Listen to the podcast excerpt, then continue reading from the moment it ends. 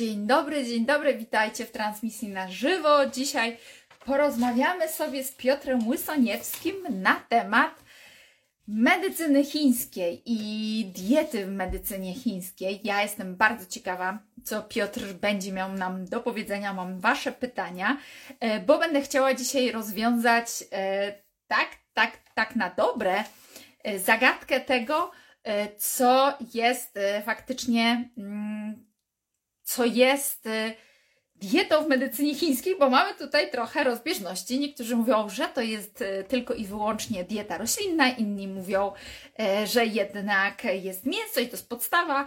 I powinniśmy jeść mięso, bo przecież w medycynie chińskiej, która ma no, kupę lat, to mięso występuje. I troszkę już też wyprzedzę to, że w medycynie chińskiej jest tak, że podstawą jest żywienie, czyli jakby nie robi się nic, jeżeli najpierw nie zadbamy o żywienie. Ale do rozmowy oczywiście już zapraszam e, Piotra. Więc dzisiaj głos oddam e, Piotrowi. Ja mam dla niego przygotowane pytania, tak jak zapowiedziałam wcześniej. Pytania są dotyczące i medycyny chińskiej, e, i również terapii holistycznej. Witaj, Piotr!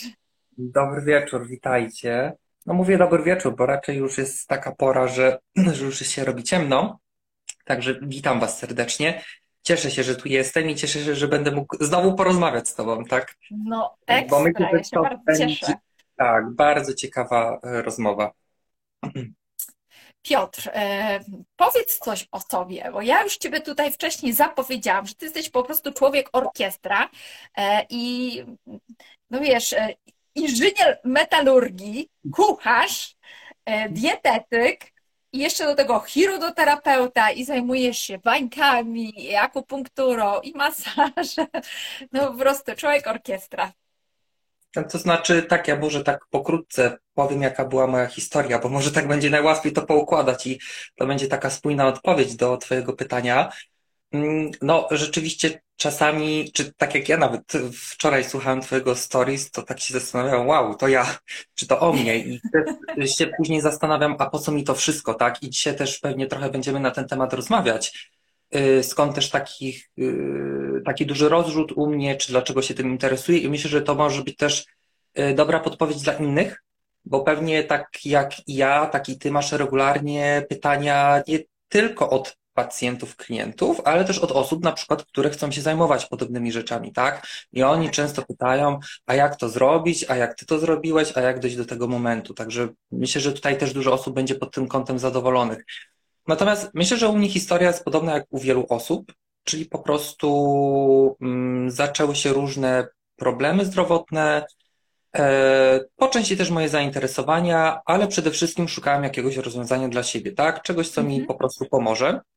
E, natomiast moja taka historia jest, że no, skąd ta metalurgia? No po prostu tak skończyłem, e, bo jestem inżynierem magistrem, czyli skończyłem tak pełne 5 lat na AGH. Wybór był po prostu taki, że zawsze chciałem pójść na studia techniczne, bo jestem takim bardziej umysłem analitycznym. E, mhm. Natomiast wykreślałem po prostu to, czego nie chciałem robić, czego nie chciałem studiować i skończyło się na tym, tak? Był to dla mnie bardzo ciekawy okres w życiu, bo uważam, że też takie studia techniczne dają niesamowicie dużo, jeśli chodzi o czy prowadzenie firmy, sama o tym najlepiej wiesz, czy też bycie terapeutą, tak? Bo mhm. prawda jest taka, że my w dużej mierze też y, analizujemy, tak, i, i mamy przeróżne osoby, i często to jest taka układanka, szukanie różnych odpowiedzi, więc to się bardzo, bardzo mi przydaje w praktyce. Natomiast trochę się śmieję, że z tej metalurgii bo metalurgia to jest taki dział związany generalnie z produkcją metali. Ja akurat kończyłem jeszcze metalurgię ekstrakcyjną, czyli produkcję stali, tak? No, y, troszkę, troszkę poszedłem w innym kierunku, no ale mieszkam w Krakowie, gdzie jest między innymi futa y, i śmieję się, że taką pozostałością są igły, tak, u mnie w praktyce, bo rzeczywiście wbijam w ludzi igły, czyli po prostu robię akupunkturę, więc ten kontakt z metalem mam, tak? Jakaś ciągłość gdzieś jest. Natomiast y, powiedzmy, że takim żywieniem czy dietetyką na początku właściwie bardziej gotowaniem, tak? Zacząłem się interesować, no myślę, że około 10 lat temu. Trochę też względy praktyczne, bo dość wcześnie wyprowadziłem się od siebie z, z domu, y, więc albo byłem zdany na żywienie gdzieś takie bardziej zbiorcze, albo po prostu później to, co sobie sam ugotowałem, tak? Mhm. I później e, zacząłem pracować w gastronomii. E, później się pojawiły też różne problemy właśnie z układem pokarmowym, szukanie odpowiedzi. I gdzieś tak z tego do tego, z bardziej takich zainteresowań kulinarnych, gotowania, pracy, trafiłem już bardziej na kierunek taki związany z dietetyką, z terapiami naturalnymi. No i to była dość taka droga, czasami wyboista, czy mm, też taka, że już te na, na przykład ostatnie lata mojej pracy w gastronomii, to były takie lata, gdzie równocześnie się kształciłem pod kątem medycyny chińskiej, bardzo intensywnie terapii naturalnych. No nie było to łatwe, ale przyszedł taki moment, że zrezygnowałem też z tej pracy, bo prawda też jest taka, że no, ten, kto popracował w gastronomii, ten też wie, mm, czy jako kucharz, czy jako kelner, czy jako właściciel, jako menedżer, na każdym stanowisku to jest ciężka praca, bardzo wymagająca, bardzo obciążająca nie tylko fizycznie, ale też emocjonalnie, psychicznie. I po prostu ja pewnego dnia powiedziałam sobie, nie chcę być w tym miejscu za 5, za 10 lat. Więc ja potrzebuję też jakiegoś innego rozwiązania. I samo życie mi podsunęło takie, a nie inne rozwiązania i też mm, ja za bardzo o tym nie myślałem, że ja chcę być terapeutą takim zawodowym z medycyny chińskiej, że chcę być też dietetykiem, że chcę się zajmować tak żywieniem. Natomiast to samo przyszło, tak? I myślę, że to jest bardzo często, że tak jakby nasze własne potrzeby, zainteresowania później są przekładane bardziej na, na tą pracę. Także tak, tak pokrótce wygląda moja historia. Tak, ale to tak często jest, że my sami mając problemy, próbując rozwiązać te problemy, szukając drogi rozwiązania tych problemów, często stajemy się później terapeutami. I to jest bardzo mhm. częsta historia wielu dobrych dietetyków, którzy potrafią później podejść do człowieka holistycznie, którzy niejedno przeżyli. Tak? To nie są e, dietetycy, którzy wyszli ze studiów, tam się nauczyli i teraz my was będziemy tutaj uczyć, e, jak się odżywiać, tylko myśmy to jakby na własnej skórze przeżyli, więc tym bardziej wiemy, jak życie potrafi dać w kość i jak to zdrowie potrafi, e, potrafi być e, no, uszkodzone i jak ciężko jest znaleźć odpowiedź. Często wiesz, no, w takiej typowej dietetyce typu jedz pięć porcji produktów pełnoziarnistych w ciągu dnia i będziesz zdrowy. Tak, myślę, że dużo osób to po prostu zauważa. To znaczy, dla mnie z jednej strony to jest duży plus, bo też w Polsce mamy bardzo duże możliwości, jeśli o kształcenie, jeśli chodzi o terapię, o diagnostykę. Wiele mhm. osób tego nie docenia. W innych krajach, też sama wiesz, bo pewnie współpracujesz też z takimi osobami, jest duży problem, tak? tak? Jednak u nas, mimo że ta służba zdrowia, no niestety jest w pewien sposób załamana, to i tak mamy dużo różnych terapii alternatywnych, terapeutów, zioła, przyróżne zabiegi. I diagnostycznie też jest u nas bardzo dobrze, bo możemy sobie pozwolić na bardzo dużo, co prawda, niestety w dużej mierze jest to na naszą własną rękę, czyli na nasz koszt, ale przynajmniej mamy taką możliwość, tak? I to jest, i to jest duży plus. Dokładnie. Natomiast takie trochę niepokojące jest to, moim zdaniem, że dużo tych rzeczy, które powinno być po stronie służby zdrowia, jest przerzucone trochę na nas, bo ja też zaznaczę, że nie jestem akurat dietetykiem klinicznym, tak? E, mhm. Czy nie mam żadnego zawodu medycznego, tak? Natomiast standardowo jest tak, że niestety, mówię niestety, bo to nie powinno tak wyglądać, że przychodzą do nas osoby i to właściwie bardziej my, tacy dietetycy, dietetycy kliniczni, bardziej zawody, które są związane z czymś innym nieco, czy mamy dużą wiedzę, ale to my trochę wchodzimy w tą rolę, nawet nie chcąc, tak? I po prostu informujemy osobę, trzeba zrobić takie badanie, trzeba pójść do takiego specjalisty i to jest akurat troszkę takie, no, niepokojące, ale powiem też w drugą stronę, tak nawiązując już do medycyny chińskiej, pewnie do pytań, które by tam były, to też nie jest tak, bo w Polsce mamy y, też dość sporo nawet lekarzy, fizjoterapeutów, dietetyków klinicznych, e, mhm. położne, pielęgniarki, którzy są naturoterapeutami, którzy są zielarzami, y, tak, fitoterapeutami, którzy praktykują medycynę chińską, tylko ja się troszkę śmieję, że to jest takie podziemie z różnych względów, i tak. nie jest o tym, no nie jest o tym głośno, ale możliwości są bardzo duże. I tak bym to tylko podsumował, że jeżeli ktoś szuka, to znajdzie i, i trafi, i trafi dobrze.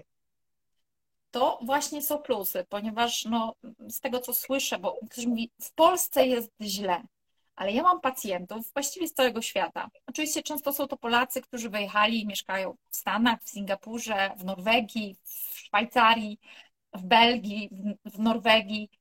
I to nie jest prawda, że w Polsce jest źle. W Polsce jest bardzo dobrze, bo ten dostęp do różnych naturoterapeutów, dostęp do ziół, dostęp do homeopatii, dostęp do mm, suplementów jest ogromny i nawet każde badanie możesz sobie zrobić. Problemem jest y, budżet, to są finanse, no bo no nie ma co ukrywać. Wizyta u terapeuty, dieta, zioła, zabiegi, to wszystko kosztuje i wiesz, kiedy trafia do mnie na przykład pani emerytka i ona od razu mówi, że ona jest biedną emerytką, to wiem, że my mamy bardzo, bardzo ograniczone możliwości, a przecież tak jak ona sama mówi, całe życie pracowała, składki odprowadzała i powinno jej się to po prostu należeć, a lekarz ją zbywa i mówi, boli panią brzuch, bo bierze pani leki przeciwbólowe, które jej sam faktycznie przepisał, bo ją boli, a nie szuka pierwotnej przyczyny, tak? Natomiast my zawsze szukamy tej pierwotnej przyczyny. No tak, tak. Natomiast też powiem trochę i myślę, że 99% będzie tutaj zaskoczone. W Polsce y, można też pójść na akupunkturę na NFZ. Tylko oczywiście, tak, tylko, bo są tak zwane, no, w ogóle jest nawet chirurgoterapia przez ortopedów, tak, czyli pijawki. E, mhm. Przy, ja teraz nie pamiętam, jakie to jest dokładnie schorzenie, ono jest związane z kolanem. Nawet tam zalecają ortopedzi robienie pijawek, tak? I to jest nawet w takich oficjalnych wytycznych. Także to nie jest tak, że te terapie naturalne nie istnieją. Poza tym warto pamiętać o tym, że właściwie większość tego, na czym my bazujemy, to pochodzi właśnie z terapii naturalnych, tak? Czy mhm. substancje syntetyczne, które używamy w różnych lekach, w, czy nawet w niektórych suplementach, to są rzeczy albo pochodzenia naturalnego, czy kiedyś pochodzenia naturalnego, które po prostu syntetyzowaliśmy, no bo tak jest lepiej, taniej i tak dalej, tak? Natomiast różne są możliwości. Jeśli chodzi o tą akupunkturę, to tak tylko dokończę, że to chodzi o poradnie leczenia bólu i to są takie jednostki, gdzie rzeczywiście no, są zatrudnieni i to są najczęściej lekarze, ja nie wiem jaki tu jest wymóg, natomiast y, no, którzy też praktykują akupunkturę i mam znajomą, która pracuje w takiej poradni, tak? Także taka możliwość też jest, no ale kto z nas o tym słyszał, tak? No nikt. No właśnie, ja te... to jest to, że my też często nie słyszymy nawet o takich możliwościach. Jest, a możliwości Słuchaj, tutaj... Powiedz mi, bo mm, tu padło, widziałam wcześniej też pytanie, ale to jest moje pytanie też, które będzie następnym pytaniem. E, jak to jest z tą medycyną chińską? Czy to jest e, tak, że są różne szkoły, które różnie uczą, czy jest jedna szkoła jakaś, nie wiem, akredytowana, a inni to są tacy samozwańczy? Bo wiesz, tak mam takie wrażenie, że jak komuś mówię medycyna chińska, to jedna osoba myśli, widzi zupełnie coś innego, a druga osoba też zupełnie coś innego. I czy to wynika z systemu edukacji, czy powstało, wiesz, tyle samozwańczych kursów? No jakbyś mógł powiedzieć, jaką ty szkołę czy kursy polecasz? To tak, y, to może zacznę od tej końcówki, co ja polecam, czy co ja kończyłem, czy jak wygląda ta droga. Ogólnie jest tak, że jak się zajmujemy medycyną chińską, to po części to jest droga już do końca życia. To znaczy w takim znaczeniu, że to nie jest jakiś obowiązek, że my musimy się kształcić, tylko tego jest tak dużo. E, I teraz też no, na dobie w ogóle już y, tak pandemii, która podbiła nam pracę online maksymalnie i nawet rzeczy, które uważano, że się nie dało zrobić online, nagle da się zrobić online. I oczywiście są tego plusy i minusy, bo czasami troszkę przeginamy z tym, tak? Natomiast prawda też jest taka, że dzięki temu też wielu terapeutów mm, e, zaczęło prowadzić dużo kursów online i to jest dla nas łatwiej dostępne, bo się może odbyć częściej, czy jest po prostu tańsze, tak? Bo mhm. prawda też jest taka, że jeśli chodzi o Polskę, to może nie jest to światowa czołówka, natomiast jednak mamy dość długą tradycję z medycyną chińską. Tutaj może są osoby, które pamiętają lata 60. czy 70., wtedy, kiedy był profesor Garnuszewski i wtedy w ogóle to był złoty taki okres medycyny chińskiej w Polsce, bo bardzo dużo lekarzy szczególnie praktykowało medycynę chińską. Mhm. Niestety to się skończyło, to się trochę urwało i dopiero 89 rok powstaje oficjalnie pierwszy, Instytut Medycyny Chińskiej, notabene w Krakowie, tutaj gdzie ja jestem. Ja się trochę śmieję, że tak trafiłem dobrze, bo są akurat tutaj dwa Instytuty Medycyny Chińskiej. E, natomiast można powiedzieć tak, że na przestrzeni tych ostatnich 30 lat powstały różne takie jednostki kształcenia ustawicznego, oczywiście, prywatne, które są rozlokowane zazwyczaj po tych największych miastach. Więc można powiedzieć, że w każdym tym mieście gdzieś tam taki instytut czy szkoła są. E, I to wygląda tak, że trochę w zależności od tego, co nas interesuje, my się tutaj zaczynamy ukierunkowywać, tak? Tylko ja zawsze robię trochę taki przytyk w kierunku tej medycyny chińskiej, bo jest jakiś taki dziwny podział, trochę niewytłumaczony, że część osób idzie na akupunkturę, część osób idzie na zioła i tyle. Nie ma, troszkę się tak robi, e, czy w pewnym zakresie też medycyna chińska, czy to na świecie, czy u nas, jest też wykorzystywana w taki sposób jak medycyna zachodnia, tylko chcę tu powiedzieć po prostu, e, daj mi tabletkę na coś w takim znaczeniu, tak? Że nawet tu możemy pójść po prostu na skróty i na przykład dać jakąś recepturę ziołową, czy tylko zrobić zabieg i działać objawowo, tak? A to, co powiedziałaś, w medycynie chińskiej jest bardzo ważne, że my szukamy jednak tej przyczyny i okej, okay, medycyna chińska też nie jest rozwiązaniem na wszystko, też nie jest najlepszą terapią dla każdego. To są odpowiedzi już bardzo indywidualne, kto jak odpowie na dany zabieg czy na daną terapię. No natomiast jednak powinniśmy jednak tam troszeczkę poszukać, czy właśnie tak jak w takiej dietetyce czy medycynie funkcjonalnej, jednak bawimy się w tego detektywa, no i rozkładamy tutaj tą szerszą diagnostykę. Natomiast skąd taki jakby podział, rozłam czy różne podejście, tak? Generalnie to się bierze z tego, że jeśli chodzi o samą medycynę chińską, ona się kształtowała, yy, znaczy ona się kształtuje cały czas i o tym powiem dlaczego. Natomiast ona się zaczęła kształtować powiedzmy między yy, tak yy, 2000 do 5000 lat przed naszą erą, tak? Czyli bardzo, o, bardzo dawno temu. Czasu. Tak, tak. Taki najstarszy tekst. Jeszcze nie było wtedy liczenia kalorii, ani No, piramidy na pewno. zdrowego To na żywienia. Chociaż oni wiedzieli bardzo dużo, bardzo dużo. Natomiast mamy taki najstarszy tekst, kanon medycyny chińskiej żółtego cesarza, który jest przetłumaczony na język polski i on jest datowany między setny a tysięczny rok przed naszą erą, tak? Mhm. Czyli wtedy już na pewno wiemy, że była mocno praktykowana ta, ta medycyna chińska, bo e, z medycyną chińską jest trochę tak, że my mamy bardzo dużo szczegółowych informacji i mamy tak jakby wszystko ułożone w logiczny ciąg, ale często dochodzimy do takiego miejsca, ale dlaczego tak jest, czy skąd się wzięły pewne rzeczy, my nie wiemy. To nie wiem, trochę tak jak z religią, z Biblią, czy po prostu mamy coś dane i tak jest, tak? Tak jak chodzi o akupunkturę.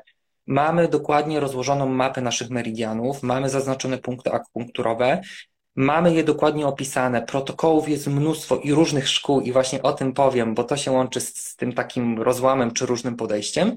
Natomiast my nie wiemy skąd się wzięła ta mapa nie ma po prostu wyjaśnienia. Ona się nagle pojawiła, tak, i, i my z niej korzystamy.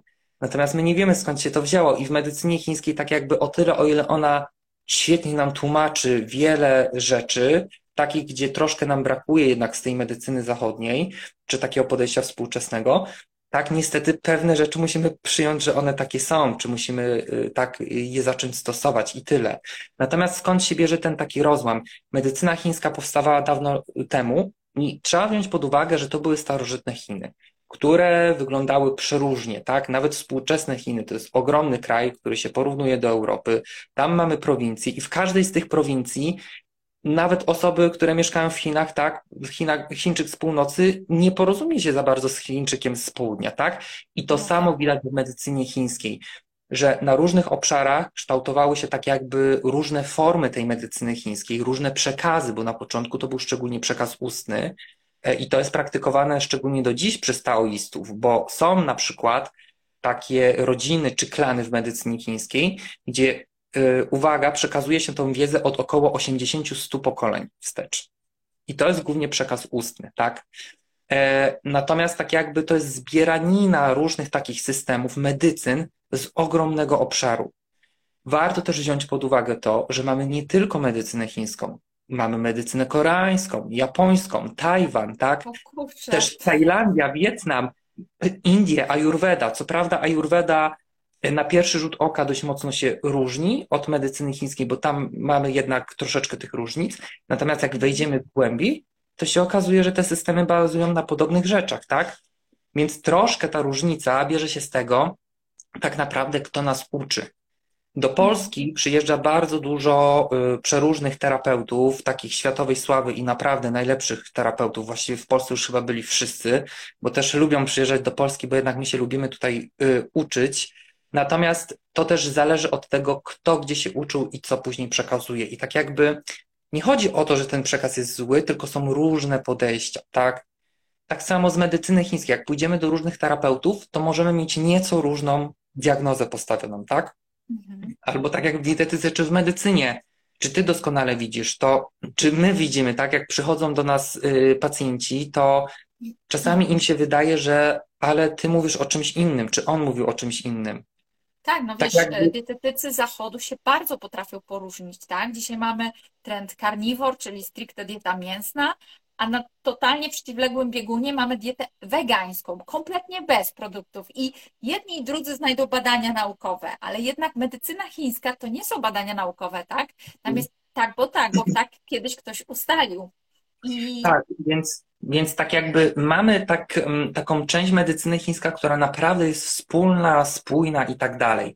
Bo co warto też zaznaczyć, mamy tak zwaną, e, taki skrót najczęściej używany TCM, to jest tradycyjna chińska medycyna. I mhm. niestety to słowo tradycyjna wprowadza zamęt, bo tradycyjna medycyna chińska to jest ta medycyna chińska, która się kształtowała w XX wieku. Do XX wieku główną medycyną w ogóle w Chinach, taką jak u nas są POZ i tak dalej, szpitale, to właśnie była medycyna chińska, tak? Tylko, że była to głównie klasyczna medycyna chińska, czyli taka, która jest oparta o teksty klasyczne, która się kształtowała te kilka tysięcy lat temu i były przekazy ustne. Później w wyniku różnych działań, szczególnie politycznych, też tego, że chciano tak jakby tą medycynę chińską bardziej przełożyć na nasz współczesny język, żeby ona była łatwiej dostępna, wprowadzono różne zmiany. Dzięki temu też medycyna chińska mocno wyszła poza Chiny, bo co warto powiedzieć, to jest w ogóle najpopularniejszy styl, styl medycyny alternatywnej wybierany na świecie i bynajmniej nie dlatego, że jest najwięcej Chińczyków, tak? Po prostu nie ma kraju, w którym nie byłaby uprawiana medycyna e, chińska. Natomiast troszkę się pojawił taki rozłam, różne podejścia i też dużo różnych szkół, tak? I chcę tylko to podsumować w taki sposób, że to nie znaczy, że coś jest lepsze lub gorsze. To jest po prostu inne podejście, które tak jakby ma inną drogę, natomiast cel zawsze mamy ten sam, tak? I tak jakby czasami nie trzeba się skupiać na tym, że to jest konkretnie ta terapia, to zioło, ten suplement, ten punkt nakuty, tak? Najważniejszy jest ten po prostu efekt. Natomiast też w wyniku tego, że różne osoby uczą się w różnych miejscach, no to niestety czasami się pojawiają takie półprawdy czy przekłamania, ale tak jest wszędzie każdej dziedzinie, tak? I Ale to wiesz, są... jednak o ile y, akupunktura, masaż, tam wiesz, osoba jak przyjdzie, może nie zauważyć, czy tam mnie nakłuć tu, czy tam, czy w innej kolejności i tak dalej.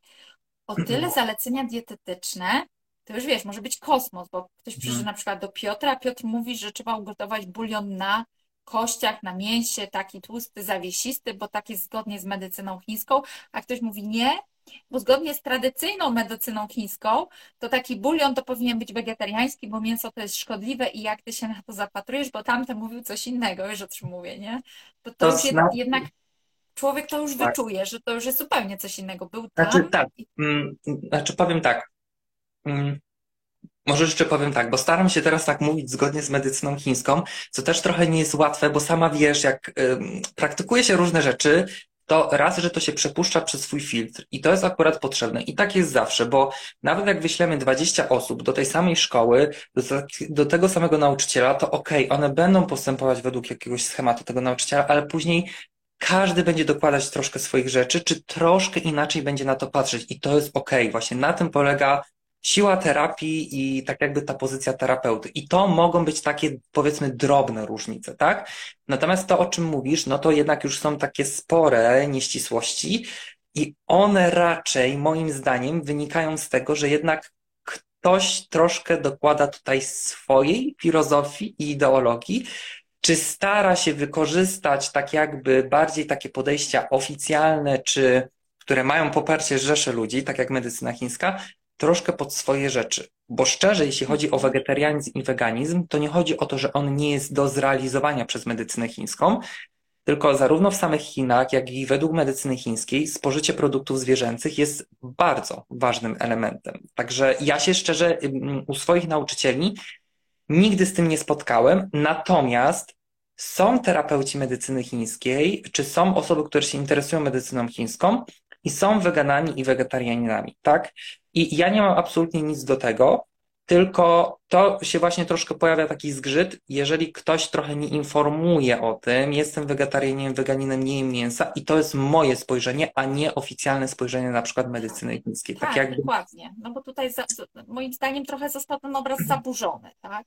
tak. Ja też się spotykam z ludźmi, którzy mówią, ale tak od zawsze było, przecież to jest zgodne z jakimś porządkiem. Ja mówię, kurczę, jak się tak powołujemy już na taką pra, pra, pra starą jakąś medycynę, a tam to jedzenie e, produktów odzwierzęcych jednak było istotnym elementem, to nie zakłamujmy rzeczywistości. Tak jak mówisz, możemy powiedzieć, to jest mój wybór, ja się tak odżywiam, ale jednak nie tak mówi medycyna chińska. Tak, no nie wiem, ja już bym tutaj poszedł bardziej w Ayurvedę, bo jednak w Indiach jest najwięcej y, wegan czy wegetarian, czy tam rzeczywiście spożycie mięsa, czy, bo w ogóle to jest ciekawe. E, to się wzięło przede wszystkim bardziej z takich względów y, ideologicznych, czy ze względów y, nawet religijnych, tak? Właściwie mhm. każda z takich większych religii ma przynajmniej okresowo różnego rodzaju wykluczenia e, dietetyczne, tak? Czy czasami rzeczywiście to mięso, czy szczególnie mięso wieprzowe, gdzieś jest jednak uważane za jakiś problem. Natomiast często też, jak my sobie wejdziemy głębiej w to, to uważa się też, czy możemy znaleźć, że dużo tych takich rzeczy kojarzonych właśnie z jakimś takim ideologią, czy jednak z jakimś wyborem na tle religijnym, jednak pierwotnie w tle ma pewne rzeczy, które obserwowali ludzie, tak? E, bo na przykład okazuje się, że większość jednak, nie wiem, Żydów źle to, toleruje po prostu fizycznie tą e, wieprzowinę, tak? Czy mhm. gdzieś tam też osób, które mieszkają akurat w tamtym e, rejonie. Także to są często takie już powiedziałbym trochę śliskie tematy, natomiast yy, może też to się trochę bierze stąd, bo też nawet mamy takich autorów. Jest na przykład taka autorka, to jest pani Bożena Żak-Cyran. Ja ją bardzo mhm. polecam, bo ona ma bardzo ciekawą literaturę w nurcie kuchni pięciu przemian i medycyny chińskiej, tylko tak jakby no właśnie ona jest bardziej wegetarianką i propaguje tak jakby styl żywienia bez mięsa. Jeżeli ktoś trafia na jej literaturę, to może odnieść takie wrażenie, że medycyna chińska głównie bazuje na tych produktach y, roślinnych. Natomiast to powiem, że nie, że, że tak nie jest, ale też uspokoję, bo u mnie też jest sporo wegetarian, wegan. Ja Przeszedłem też mnóstwo stylów żywienia. Też miałem okres, kiedy jadłem bardzo mało produktów zwierzęcych. Prawie byłem na diecie wegańskiej. Też okresowo, szczególnie latem, jem mniej, mniej, jem mniej tych produktów zwierzęcych. To jest do zrobienia, tak? Tylko znowu, tak jak mamy dietetykę, tą naszą bardziej zachodnią kliniczną, kontrolujemy pewnego rodzaju niedobory. To samo w medycynie chińskiej, tak? Mm, także mhm. mm, to nie jest tak, że na przykład musimy jeść mięso albo nie. To jest dość indywidualne. Natomiast jednak medycyna chińska jest przesunięta w tym kierunku, gdzie no spożywa. Dobrze, no to ja bym chciała, żebyś opowiedział o tym, jak wygląda, e, jak wyglądają zalecenia medycyny chińskiej, nie tradycyjnej, tej takiej nowszej, tylko jak to było dawniej, jakie były te zalecenia odnośnie odżywiania się. Bo też tutaj padło pytanie odnośnie surowej. Tak, mi się osobiście wydaje, że w medycynie chińskiej no to jednak gotowane, no chyba, że się mylę. Dzisiaj mamy taki trend mocno na surowe e, ciśniemy. Żebyś coś mi opowiedział, jakie produkty, e, czy od czegoś to zależy, czy, czy to było w jakiś sposób e, dobierane, czy było tak na zasadzie, że jak ktoś przyszedł chory, no to przede wszystkim miał się zacząć odżywiać, czy jakoś się tą dietę dobierało konkretnie do osoby? To znaczy tak, to um, jeśli chodzi o tą dietetykę, to jak sobie odrzucimy takie rzeczy powierzchowne, o których mówiliśmy, to jeść mięsa, nie jeść mięsa i naprawdę trafimy już na taką medycynę chińską, to nieważne, czy patrzymy w kierunku tej klasycznej medycyny chińskiej, czy tradycyjnej medycyny chińskiej, tutaj spojrzenie jest dość spójne. I ja odpowiem na początku tak paradoksalnie, że w dużej mierze zalecenie medycyny chińskiej to jest to, jak się żywiliśmy te 30, 40, 50 lat temu. To jest w dużej mierze to. Ja bardzo zachęcam, żebyśmy my wrócili do naszego dzieciństwa, czy do tego, jak się żywili rodzice, dziadkowie. I tam w dużej mierze mamy odpowiedź, jak wyglądają zalecenia medycyny chińskiej. Dlaczego? Dlatego, że medycyna chińska, czy dietetyka w medycynie chińskiej jest oparta w dużej mierze o tak zwaną energetykę pożywienia, czyli coś, co notabene było też u nas. Ja w ogóle byłem w szoku, jak się dowiedziałem. Jest um, zielnik syreniusza, Syreniusz to jest taka osoba, która żyła w XVI wieku na naszych ziemiach i on bardzo propagował fitoterapię. On tam opisywał szczegółowo zioła. I wyobraź sobie, że jeszcze w XVI wieku w właśnie tym języku polskim była wydana książka, gdzie były opisane zioła i tam była opisana ich energetyka. I ta energetyka w dużej mierze odpowiada temu, co mówi medycyna chińska. O co chodzi z tą energetyką? Po prostu patrzymy, jak działają produkty. One mogą nas właśnie bardziej wyziębiać, czy tak ochładzać, bardziej rozgrzewać. Mamy produkty skrajnie zimne, skrajnie gorące i to jest dość logiczne, bo na przykład skrajnie gorące te produkty to są te najbardziej ostre, pikantne przyprawy, gdzie nawet jak to jemy, to czujemy, mm. tak, oblewają nas poty i robi nam się gorąco.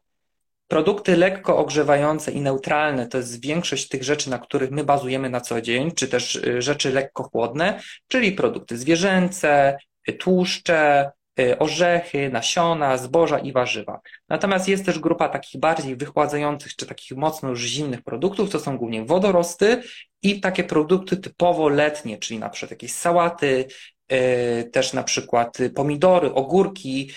Natomiast to jest dość logiczne, bo na przykład te najbardziej z punktu widzenia medycyny chińskiej ochładzające rzeczy, no kiedy mamy? Mamy głównie latem, kiedy chcemy się schładzać, tak? Więc mhm. medycyna chińska też ujmuje i mnie ujęła tym, że ona przynajmniej na pewnym etapie, na pewnym poziomie jest powiedziana naprawdę prostym językiem, dużo prostszym niż medycyna zachodnia, bo teraz wypowiedzieć nazwy niektórych substancji, czy pokojarzyć, co się dzieje, jest bardzo ciężko. Natomiast medycyna chińska jest po prostu prosta pod tym kątem i my szybko to po prostu chłoniemy, czy my to obserwujemy. Mamy też różnego rodzaju smaki, które też działają na nas odpowiednio. Możemy też powiedzieć, że dany produkt na przykład szczególnie wzmacnia jakiś obiekt czynnościowy, czy szczególnie jakiś narząd w naszym ciele i tak dalej, i tak dalej. Czyli mamy tak jakby taką pulę produktów, która działa w jakiś sposób, tak? Bo taką dużą różnicą. Zatrzymajmy się jeszcze na chwilkę, powiedzieć, że wzmacnia konkretny organ. Czy w medycynie tak. chińskiej też jest takie przełożenie, że wątroba to wątroba, serca to serca? Czy tak e... tego się nie kojarzy? I tak, i nie. To jest trochę taka pułapka, bo to nazewnictwo jest proste, natomiast jest, jest na tyle proste, że te same pojęcia często z medycyny chińskiej mają te same nazwy, co u nas w medycynie w dietetyce zachodniej. I jeżeli na przykład mówimy o narządach, ja wolę mówić tak zwany obiekt czynnościowy. Czy y, tak samo poruszamy tutaj, to jest nazwa meridianu, i jeżeli na przykład mamy tą wątrobę, to wątroba w medycynie chińskiej to nie jest tylko ten narzut fizyczny, ten płat tam położony tak pod żebrami po prawej stronie, tylko to jest cała struktura energetyczna.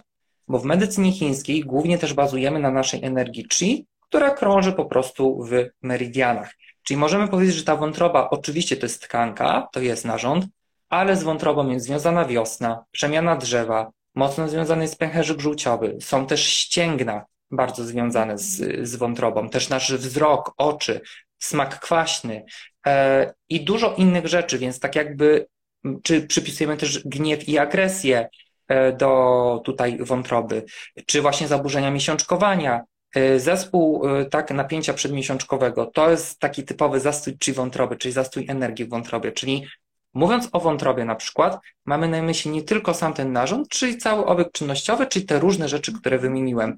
Akurat w tej lekturze, czyli w ten kanon medycyny chińskiej żółtego cesarza, tam na jednej stronie jest taka bardzo ciekawa tabela, gdzie są właśnie wypisane te narządy, które są przypisane do tam danej przemiany, do danej pory roku i tam mamy właśnie wypisane, że na przykład z wątrobą kojarzymy to, to, to i to. I właśnie to pokazuje, jak patrzyli Chińczycy, czy jak się zaczynamy uczyć medycyny chińskiej, to inaczej patrzymy na świat. Patrzymy właśnie poprzez skojarzenie, tak? Czyli tak naprawdę mówiąc na przykład o zaburzeniach wątroby, możemy mówić o zaburzeniach ze wzrokiem, ze ścięgnami, z innymi strukturami naszego ciała, tak? Także to, to jest tutaj taka duża, duża różnica. E, natomiast jeśli chodzi o tą różnicę z dietetyką zachodnią, no bo w dietetyce zachodniej tak, mikroelementy, makroelementy, witaminy, białka, tak, tłuszcze, tak, tak. kalorie. Rozkładamy sobie każdy produkt, jest na, na czynniki pierwsze, tak? Tak, tak jakby y, za wszelką chcemy, chcemy zajrzeć do tego produktu i po prostu spojrzeć, z czego on się składa, tak? Natomiast tak jakby oczywiście Chińczycy co prawda mm, nie używali pewnych pojęć, ale to nie oznacza, że oni o pewnych rzeczach nie wiedzieli. Oni po prostu stworzyli swój system, tak jakby niezależny, no, który jest potęgą, bo przetrwał do dzisiejszych czasów i tak naprawdę medycyna chińska w XX wieku i w XXI przeżywa naprawdę niesamowity renesans. Natomiast y, różnica jest taka, że my patrzymy pod tym kątem energetycznym, tak? Czyli tak jakby wiemy, że dany produkt w jakiś sposób na coś po prostu wpływa, tak? I kiedy my taką osobę zdiagnozujemy i jest po prostu to i to, to wiemy, że ten produkt wpływa tak i tak i jesteśmy w stanie po prostu jej to zalecić.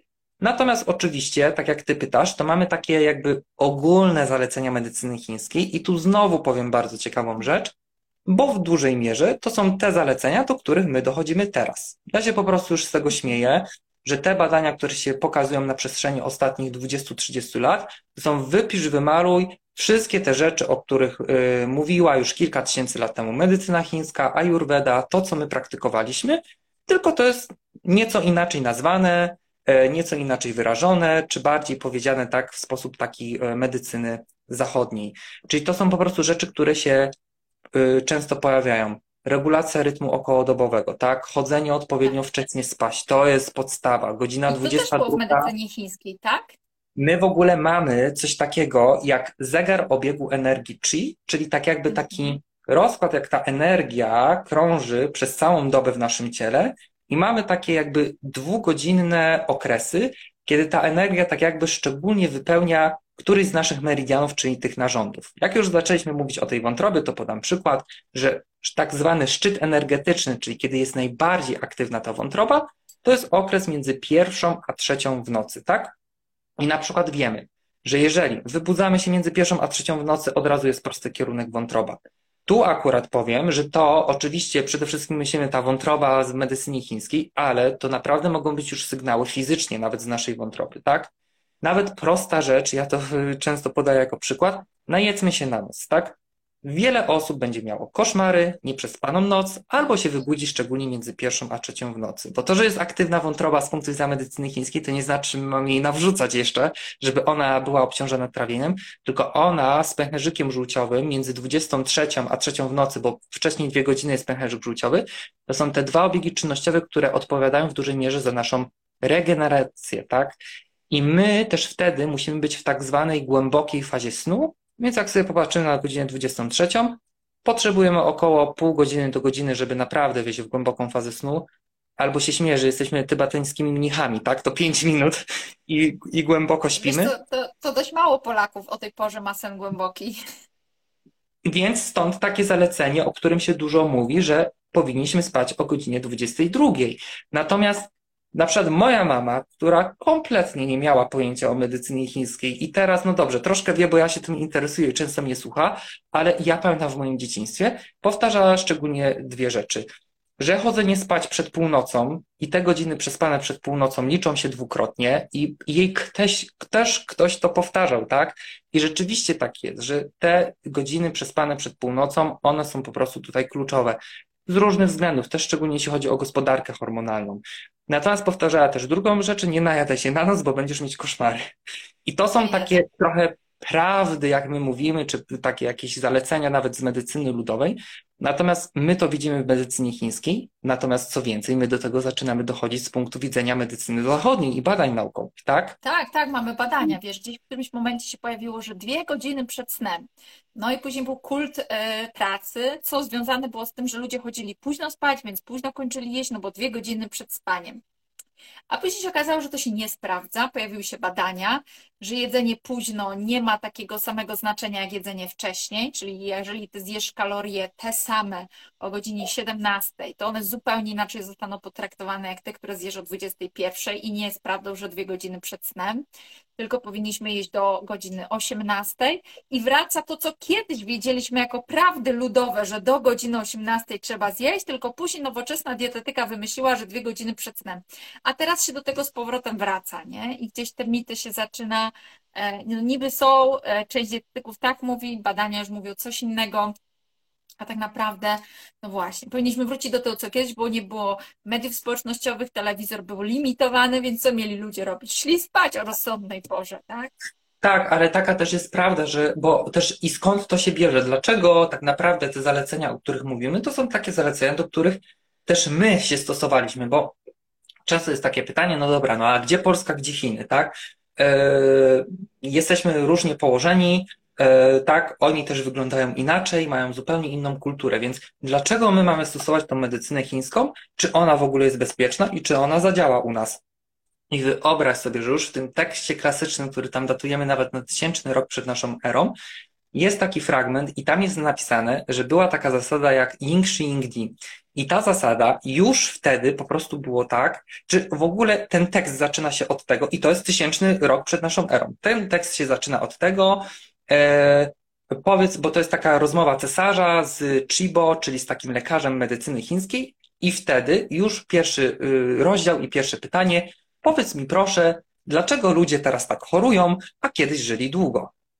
I to jest już 2000-3000 lat przed naszą erą, czyli to jest prawdą, że oni mieli podobne problemy, podobne jednostki chorobowe, no mhm. oczywiście nie tak bardzo zaawansowane, czy nie tak nasilone jak my teraz, natomiast oni też się zmagali z różnego rodzaju chorobami, więc oni nie mieli też takiego dostępu jak my, tak, tak jak tu mówisz, do różnych rzeczy, więc oni musieli naprawdę wykorzystać tą siłę natury i po prostu wypracować sobie jakiś spójny system. Natomiast odnośnie tej zasady, o której mówiłem, Ying Xing Di, tam znowu jest napisane, że jeżeli przychodzi do ciebie osoba, to ty musisz uwzględnić, gdzie ona mieszka, jaki ma wiek, y, czy ona pracuje, czy jest kobietą, mężczyzną, czyli właśnie to, co my robimy, czyli szczegółowa diagnostyka, uwzględnić te elementy bardzo indywidualne i pod to stosować naszą y, tutaj y, terapię, tak?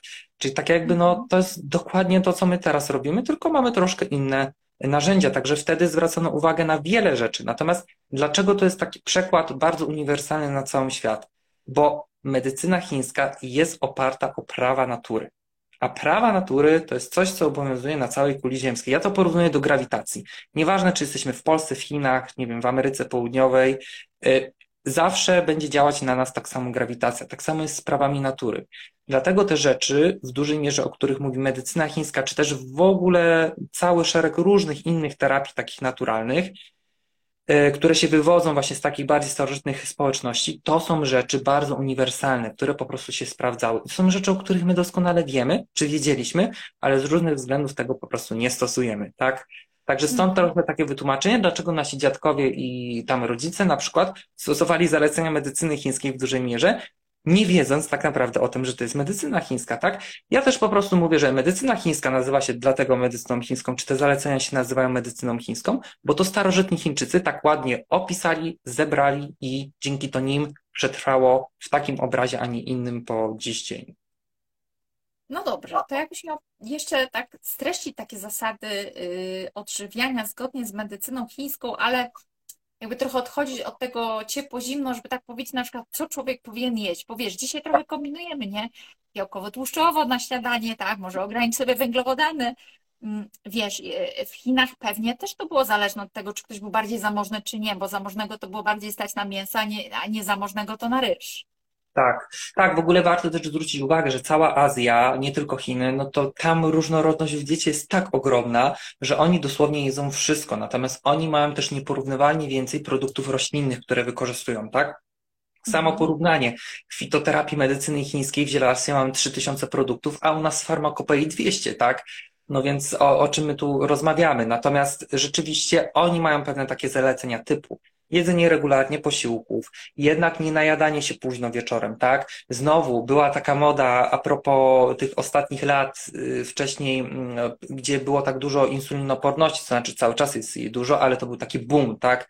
Że dużo się zaczęło mówić o insulinoporności, no to nie jemy śniadań na przykład, tak?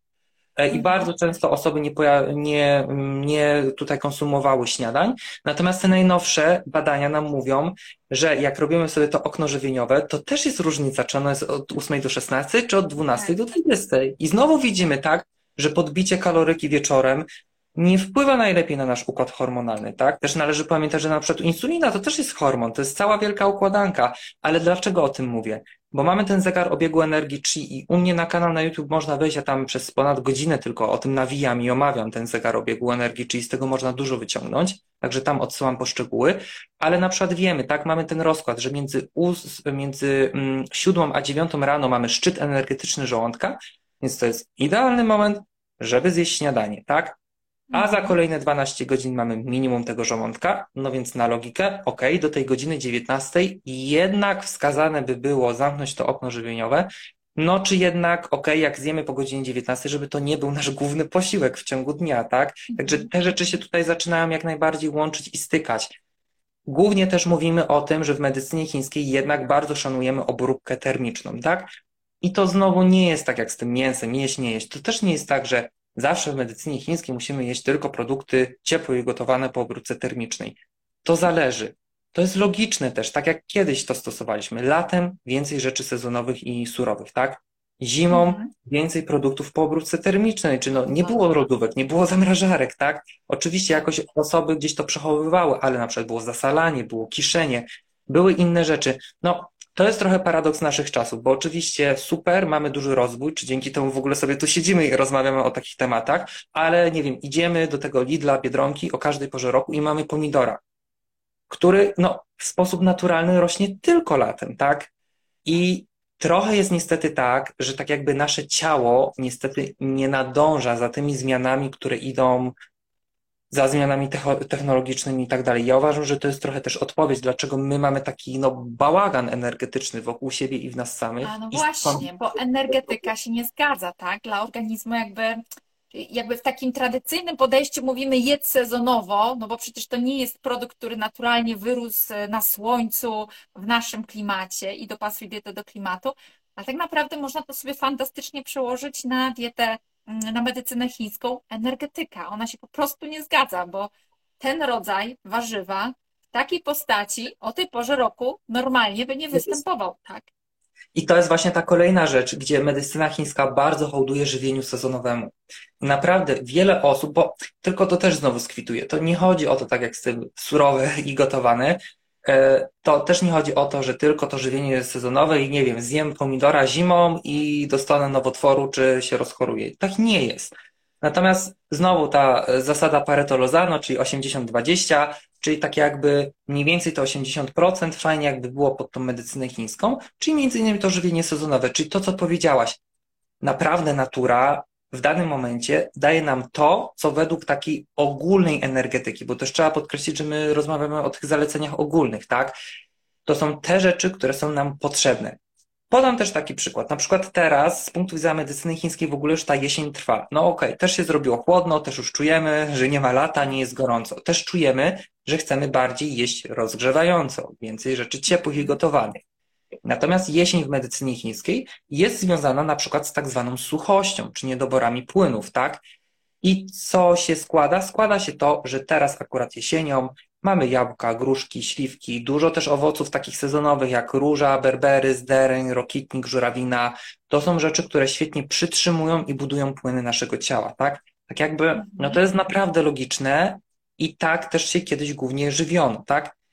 Natomiast my niestety y, wraz z tym postępem mocno namieszaliśmy w naszej energetyce i stąd się pojawia dużo też różnych chorób i zaburzeń i to też nie jest tak, że te zalecenia, szczególnie ogólnie medycyny chińskiej, będą super ekstra, tak? Bo znowu wróćmy sobie do tej insulinoporności, bo to jest często taki temat tutaj poruszany. Okej, okay, będą takie osoby, dla których naprawdę diety niskowęglowodanowe, czy nawet dieta ketogeniczna, też przy niektórych nowotworach i tak dalej, to będzie super rzecz i bardzo dobre rozwiązanie. Bo dlaczego też o tym mówię? W medycynie chińskiej jednak hołdujemy też mocno węglowodaną, czy szczególnie temu błonnikowi, czy zbożom, tak?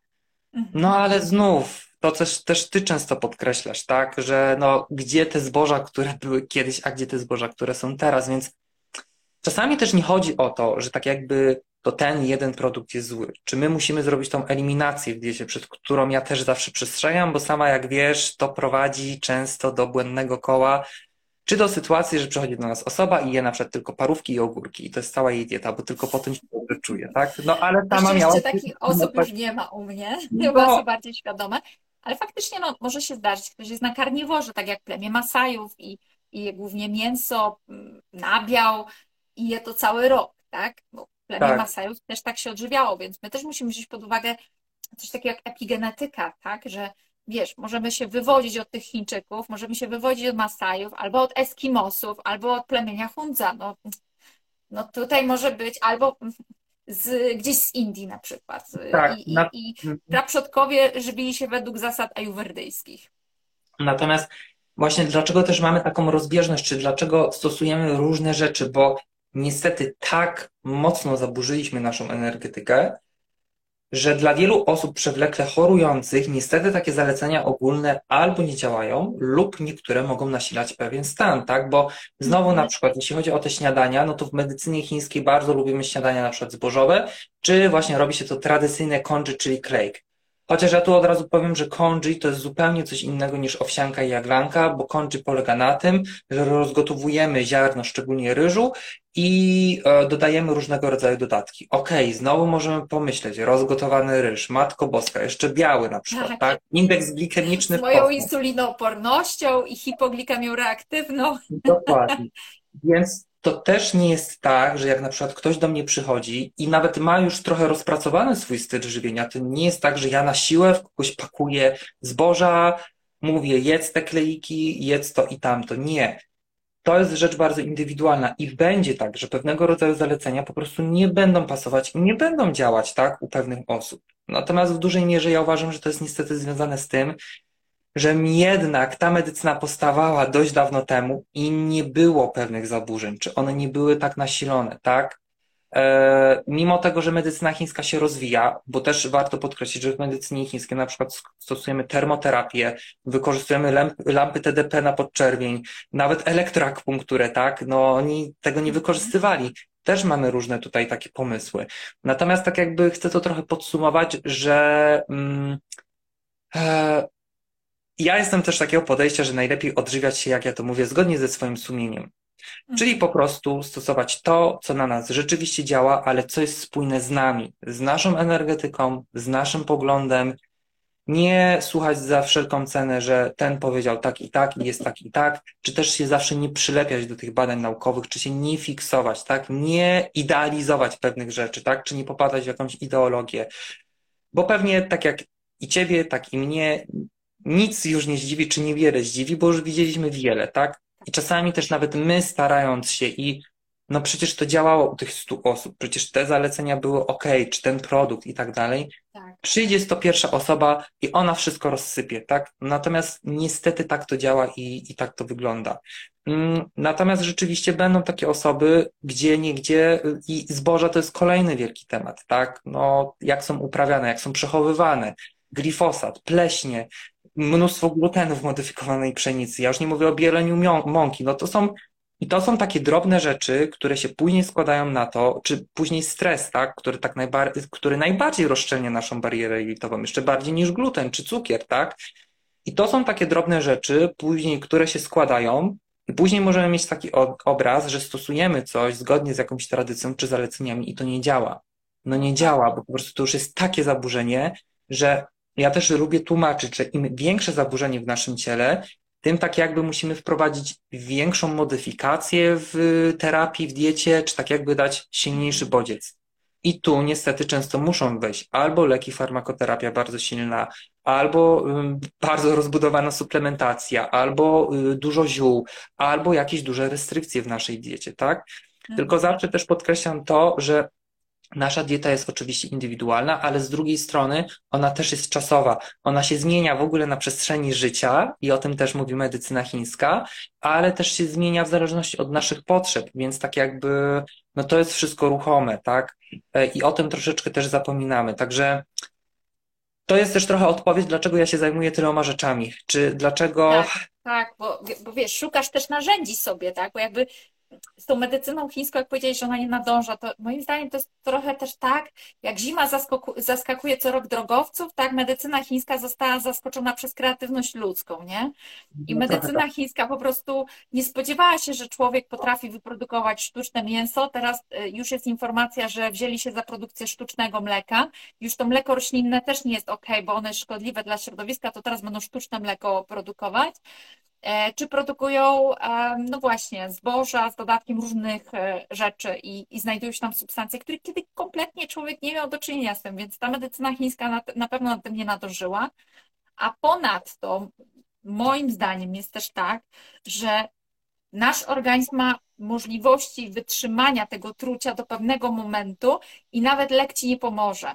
I to, że na przykład ktoś mówi, jedz jak chcesz, łyknij proliver i wątroba będzie zdrowa, to jest, to jest jawne oszukiwanie ludzi, bo e, jest pewien punkt krytyczny, który osiągamy i to już jest koniec po prostu. I żaden suplement ci nawet nie pomoże, bo nie jest w stanie poradzić sobie z tą ogromną ilością trucizn, które ty dostarczasz do organizmu.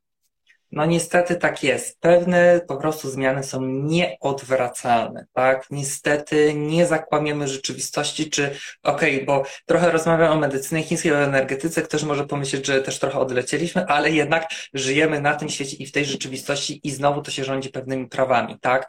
Natomiast tak jakby też może powiem ciekawą rzecz, bo w medycynie chińskiej mamy kilka filarów, czyli mamy szczególnie żywienie i dietetykę, którą ja podkreślam, że to jest baza i nawet jak mhm. idziemy kogoś na akupunkturę, czy idziemy po zioła, to przynajmniej powinniśmy usłyszeć parę rzeczy takich podstawowych, tak? Może to warto ograniczyć, to włączyć, może nie jeść tak późno, no cokolwiek, jakiś komentarz, tak? Często niestety tego nie ma. Natomiast yy, co chcę powiedzieć? Chcę powiedzieć to, że y, mamy też takie y, techniki manualne jak masaż Twaina i mamy też Qigong. Ja trochę tłumaczę, że ten Qigong to taki odpowiednik jogi w Ayurvedzie, ale to są po prostu mhm. takie ćwiczenia, które w dużej mierze się kojarzą, że to są ćwiczenia spokojne i statyczne, ale też jest naprawdę taki Qigong, gdzie dość dużo się ruszamy. To polega na tym, że wykonujemy różne sekwencje ćwiczeń i to na przykład niektórzy kojarzą, no jak ktoś był w Chinach, to w ogóle to widział, bo to jest niesamowite, że w każdym parku jest po prostu masa osób, y, szczególnie starszych i oni robią głównie dwie rzeczy. Albo grają w karty i tam jakieś takie gry hazardowe, bo to uwielbiają, albo właśnie ćwiczą Qigong. Oni mnóstwo się ruszają. Oni mają właściwie to wpojone i dla nich wiele tych zaleceń w ogóle, o czym my się uczymy i rozmawiamy teraz, to dla nich to jest normalne. Oni to mają też w swojej praktyce, tak? Bo to jest ich tradycja. Natomiast ten Qigong polega na tym, że wykonując różne sekwencje ćwiczeń, my poruszamy naszym ciałem, a tak naprawdę poruszamy tymi meridianami, czyli całymi e, obiegami e, tak jakby czynnościowymi i energią, która jest tam zlokalizowana. I też dlaczego o tym mówię? Bo uważa się, że te ćwiczenia i Qigong na pewnym poziomie to jest najgłębsza praca, jaką możemy wykonać. Mhm. Domyślam się, że to jest y, trochę związane z tym, że rzeczywiście to jest mocne poruszanie energii, ale to też jest w dużej mierze praca z głową. Nawet jest taki qigong, że osoby, które są niepełnosprawne, y, mogą wykonywać, odtwarzać te sekwencje w głowie. I jest nawet taki qigong, może to komuś pomoże, to się nazywa qigong omywający szpik kostny. Są tacy nauczyciele w, w Polsce. Y, i na przykład to już jest zalecenie dla osób z nowotworami, z bardzo ciężkimi przypadkami, z chorobami przewlekłymi. I są osoby, które ćwicząc regularny ten Qigong, one naprawdę czują, że jest bardzo duża poprawa. E, ale oczywiście, tak jak mówisz, no, mamy pewną swoją wydolność. To też jest indywidualne. Czy ja często mówię, że to są takie jakby schodki, tak? Że jak trochę spadniemy, i to mhm. często na przykład my czujemy po jakiejś chorobie, po jakimś dużym zakażeniu bakteryjnym, to ciężko nam później wrócić na pewien pułap. Czy na przykład obserwujemy to, że kogoś y, czasami nie widzimy e, i widzimy po pewnym czasie i widzimy, że on wygląda o wiele gorzej, a nie minęło dużo czasu, się pytamy, co się stało i na przykład on mówi, przechorowałem, tak? To jest właśnie to. I w medycynie chińskiej znowu mamy odpowiedź, czemu tak jest, bo jest taka niewielka część naszej energii, bo mówimy, że tak, jedna czwarta pochodzi z oddechu, dlatego ważne są te ćwiczenia, qigong i praca z oddechem, trzy czwarte z pożywienia, a taki jeden malutki procencik to jest tak zwana energia jing. I ta energia jing jest związana z genetyką, z płodnością, z tym, co przekazujemy dalej, ale z długowiecznością. Bo starożytni Chińczycy byli zafiksowani na punkcie e, długowieczności. Oni chcieli żyć jak najdłużej i jak najlepiej. I jeżeli się nam wyczerpie ta esencja, to umieramy. I to jest właśnie ta nasza ograniczona zdolność, tak? No my nie jesteśmy I ten bogaci. to jest jakby genetyczny, wrodzony, tak? Tak go po prostu przekazy, tak. przekazane nam jest. Tak, tak. Dobrze tak. zrozumiałam?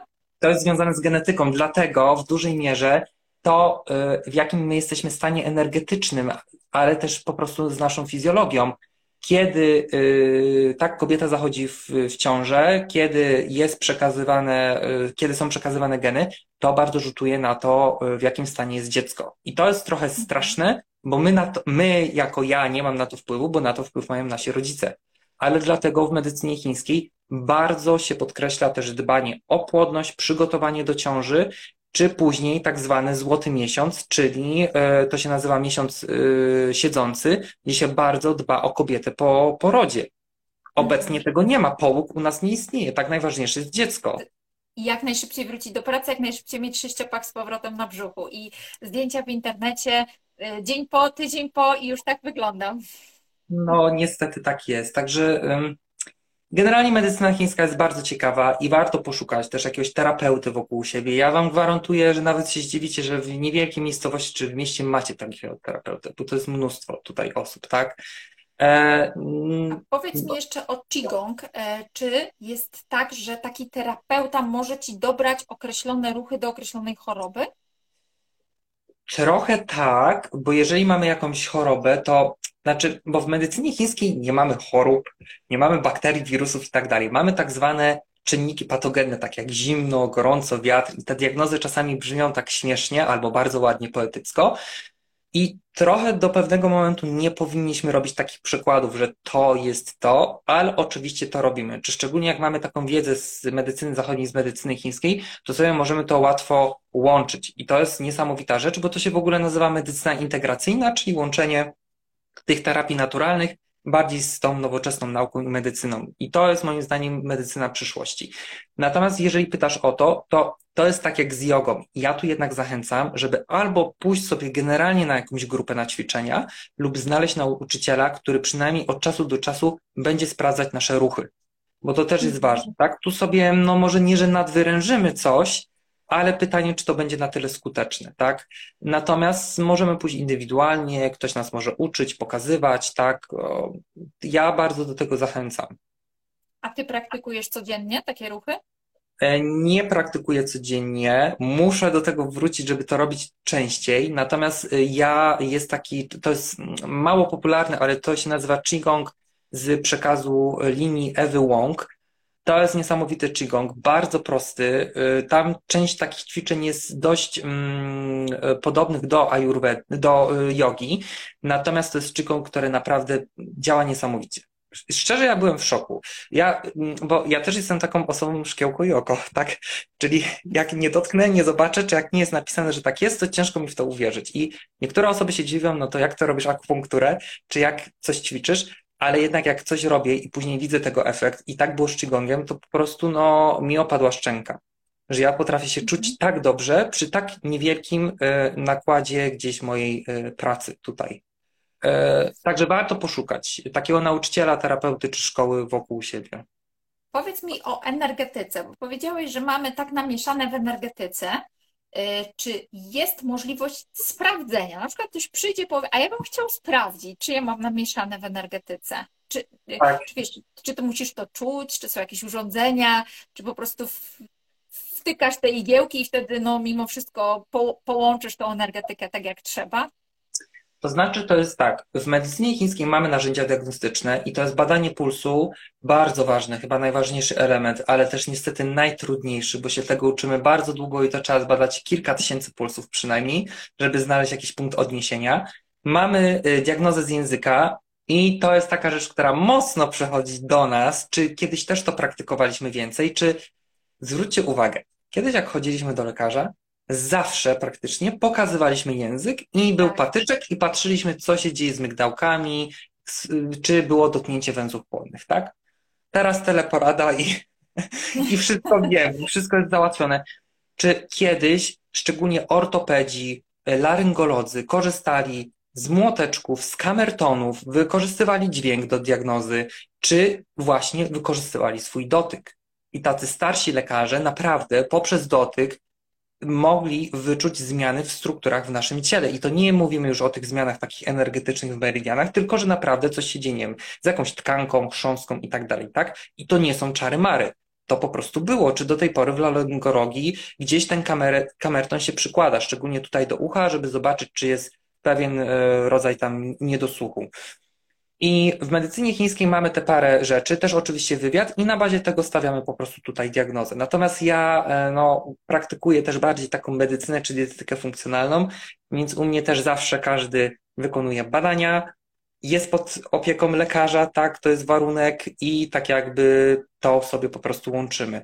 Natomiast możemy sprawdzić właśnie taką energetykę, idąc do terapeuty, on nas zdiagnozuje i powie mniej więcej, co się dzieje czyli dotknie e, nadgarstka, sprawdzi puls, sprawdzi język, a oko też zagląda?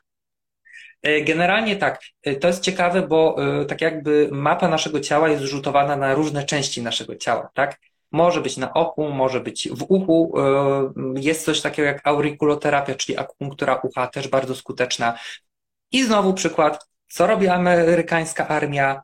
Oni praktykują akupunkturę ucha. To już jest od wojny w Wietnamie, tak? Tam naprawdę większość osób przechodzi takie szkolenia, czy w każdym oddziale jest taki terapeuta, Jesteś na wojnie, nie masz narzędzi, nie masz leków przeciwbólowych. Co robisz? Robisz akupunkturę, tak? Czy robisz szczególnie akupunkturę ucha, która jest łatwa, bo wbijasz sobie tylko igłę lub nawet wystarczy na przykład same nasiona wakarii do stymulacji tych e, punktów, czyli nie musisz przebić skóry. Możesz to zakleić i z tym chodzić, tak? Tydzień, dwa tygodnie. Spokojnie. Także to też nie są rzeczy, których nie, nie stosujemy. Natomiast e, rzeczywiście możemy patrzeć na generalnie twarz Możemy patrzeć na ucho, możemy patrzeć do oka, możemy patrzeć na język, badać puls. Mamy też palpację, tak? Czyli jak dotkniemy po meridianie, gdzieś nas zaboli, gdzieś nie ma czucia, to też są jakieś oznaki. A, y, diagnostyka z brzucha, to jest diagnostyka z medycyny japońskiej, tak zwana hara. Niesamowita rzecz. Natomiast to nie są rzeczy nam obco znane. Kiedyś lekarz naprawdę nas dotykał, tak. badał tak, i, tak, tak było kiedyś. I dużo wiedzieliśmy, tak? Mam tutaj kolejne pytania, aczkolwiek e, mam takie poczucie, że na wiele z nich odpowiedziałeś, no bo jednak ty mhm. łączysz sobie e, medycynę chińską z medycyną tradycyjną, e, ale załóżmy, że mielibyśmy mm, osobę, która jest stricte tylko, wiesz, specjalista od medycyny chińskiej i no jest na nie, jeżeli chodzi o inne metody, to jak mhm. się wtedy medycyna chińska zapatruje do suplementów? Mhm. O, powiem tak mimo tego, że tak jakby to nie jest opisane w tekstach klasycznych, tak, no bo nie wiedziano, mhm. jak antybiotyki, sterydy, hormony, jakieś suplementy na nas wpływają, to poprzez też obserwacje na przestrzeni tych kilkudziesięciu lat, na przykład wiemy, że antybiotyki bardziej nas wyziębiają, czy każde przewlekłe leczenie jednak uszczupla naszą energię na poziomie naszych nerek. Te nerki oczywiście to nie chodzi E, stricte onerki takie fizyczne, bardziej już bym to podciągnął pod nadnercza, tak? E. I mamy takie pewne przykłady. Czy szczególnie jeśli chodzi o suplementację, na przykład minerały typu magnez, czy generalnie wszystkie minerały raczej są wychładzające, tak? Natomiast to też nie jest tak, że mm, tej suplementacji nie ma. Prawda też jest taka, i to jest w ogóle kolejny nonsens rzeczywistości, w jakiej żyjemy, że większość receptur ziołowych, takich gotowych, które my kupujemy, na rynku polskim jest zarejestrowana jako suplementy diety. No tak. Tak, bo jednak wiele suplementów to są substancje a, a kupujemy, ziołowe. A kupujemy pojedyncze zioło i to już jest zarejestrowane jako zioło, tak? A taką recepturą ziołową możemy sobie bardziej pomóc lub nawet zaszkodzić, jak jest nieodpowiednio użyta, tak? Mhm. Natomiast jak to jest? Mm, wiesz co, ciężko mi trochę powiedzieć, bo jednak ja mam większość znajomych terapeutów, którzy są lekarzami, dietetykami, czy którzy są otwarci na takie rzeczy, czy jednak większość z tych osób się interesuje pewnymi rzeczami, czy widzimy, bo też moja historia jest taka, że ja zacząłem w dużej mierze od medycyny chińskiej i później poszedłem w ten nurt bardziej medycyny zachodniej, tej takiej współczesnej, funkcjonalnej. To jest trochę dziwne i zaskakujące dla niektórych, bo zazwyczaj jest na odwrót. Natomiast ja po prostu zobaczyłem, że mi brakuje. Brakuje mi narzędzi, brakuje mi narzędzi diagnostycznych, brakuje mi narzędzi w terapii, że też nie jestem na takim poziomie z medycyny chińskiej, że ja wszystko wiem, wszystko widzę i nie mam takiej możliwości, tak, bo u mnie w rodzinie nikt tego nie praktykował, nikt mi tego nie przekazał i ja potrzebuję po prostu też innych narzędzi, żeby być po prostu lepszym terapeutą i bardziej tutaj pomagać. Podejścia są różne, tak? Ja myślę, że to też jest kwestia indywidualna, natomiast ja trochę nie lubię takich podejść skrajnych, że tak powiem, tak? Poza tym, szczerze, ja trochę nie dopuszczam takiej myśli, że ktoś w ogóle nas zniechęca do leczenia jakiegoś farmakologicznego, do stawiania diagnoz, do badania się, bo ja też zawsze podkreślam, to jest po stronie naszej i ewentualnie lekarza, który, z którym pracujemy, tak? Ja nigdy w to nie ingeruję. Natomiast bierzemy to oczywiście poprawkę na to, bo sama wiesz, suplementy, zioła, nawet dieta żywienie wchodzi w interakcję z lekami, tak? To jest bardzo indywidualne. Natomiast ja trochę, tak mówię, droga środka, trochę tego, trochę tego i takiego racjonalnego po prostu podejścia w tym. Natomiast suplementy, no, no nie ma suplementów. W dużej mierze korzystamy z ziół w medycynie chińskiej i z żywienia, natomiast trzeba podkreślić, że fitoterapia w medycynie chińskiej jest ogromna, naprawdę, bo mamy pojedyncze zioła, ale możemy tworzyć w nieskończoność mieszanki ziołowe, tak? i mamy to doskonale też opisane właśnie w tekstach gdzieś tam y, klasycznych. No, ale ja jestem zwolennikiem, żeby to łączyć. Czy naprawdę widzę, że czasami w pewnych przypadkach trzeba się bardzo dużo napracować i powiem tak brzydko, wpakować po prostu w tą osobę multum różnych po prostu y, środków, tak. Czasami Natomiast... jest taka sytuacja, że ta osoba doprowadziła się do takiego stanu, że już niestety ani nie ma możliwości wchłaniania składników odżywczych, ani nie ma możliwości, żeby ta energetyka została przywrócona, bo ten organizm po prostu nie reaguje na to, co je.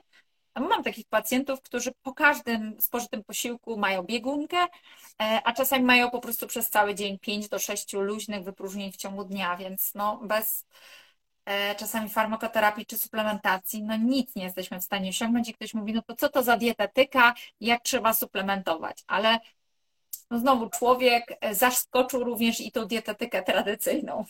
No niestety tak jest, a prawda jest taka, że terapie naturalne i medycyna chińska szczególnie są nastawione na profilaktykę.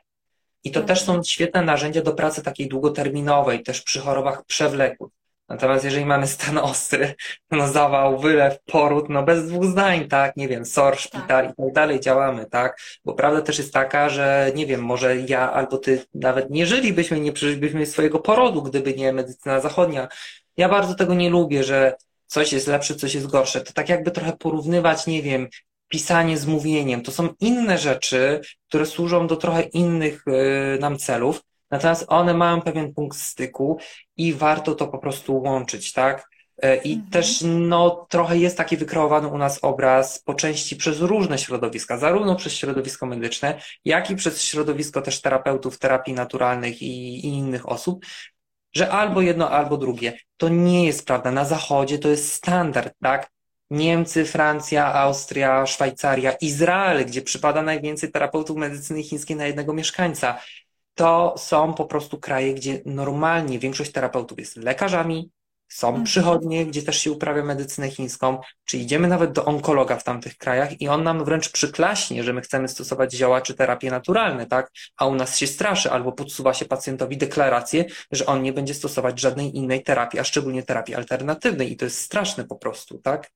E, mhm. nawet dzisiaj miałem taką konsultację, gdzie musiałem tłumaczyć, tak, dlaczego możemy zastosować takie, a nie inne rzeczy. I oczywiście tak pacjent onkologiczny i padła odpowiedź, no bo mój lekarz nie patrzy na to przychylnym okiem, tak? No więc troszkę to idzie w takim dziwnym kierunku. Czy w ogóle uważam, że Polska to jest jakiś ewenement na kraj, na, na skalę światową?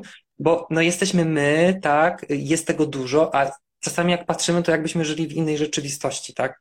Pewne rzeczy się w mhm. ogóle nie składają w, w całość. Słuchaj, mam do Ciebie jeszcze mnóstwo pytań, ale nasz live trwa już ponad godzinę. E, a ja bym chciała, żebyś jeszcze tak e, opowiedział, bo jak już mówimy sobie o takich tak. holistycznych e, podejściach, tutaj cały czas różne pytania padają. Na przykład, czy są w medycynie chińskiej choroby nieuleczalne? No to już na to myślę odpowiedzieliśmy, że są, bo po prostu tak, w tym tak. momencie ludzie tak mocno chorują, że, że są.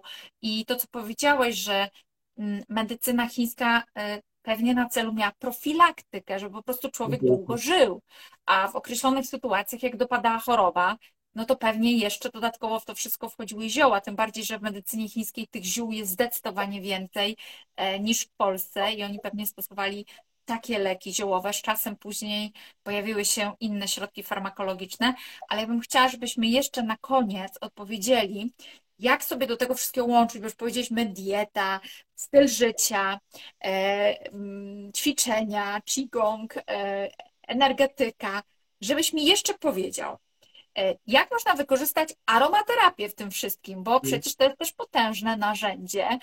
Dużo osób używa mm, olejki eteryczne do tery, ale przecież wiemy, że mamy też esencję Bacha. To, to, to, to jest też wiedza, która no, ma kupę lat, tak? Że my możemy zapachami również wpływać, kolorami możemy wpływać e, i, i, wieloma innymi rzeczami. Tak, ja może odnośnie tej aromaterapii, czy tych takich innych rzeczy dziwnych czy innych, czy tak naprawdę, które kiedyś były na szeroką skalę wykorzystywane, czy ja wielbię muzykoterapię, która też u nas wchodzi i mało osób wie, że to Polka opracowała tak terapię dogłębnokomórkową, która jest potwierdzona badaniami naukowymi i mamy terapeutów, którzy stosują terapię kamertonami, tak? Tych rzeczy jest dużo, czy odnośnie tej aromaterapii.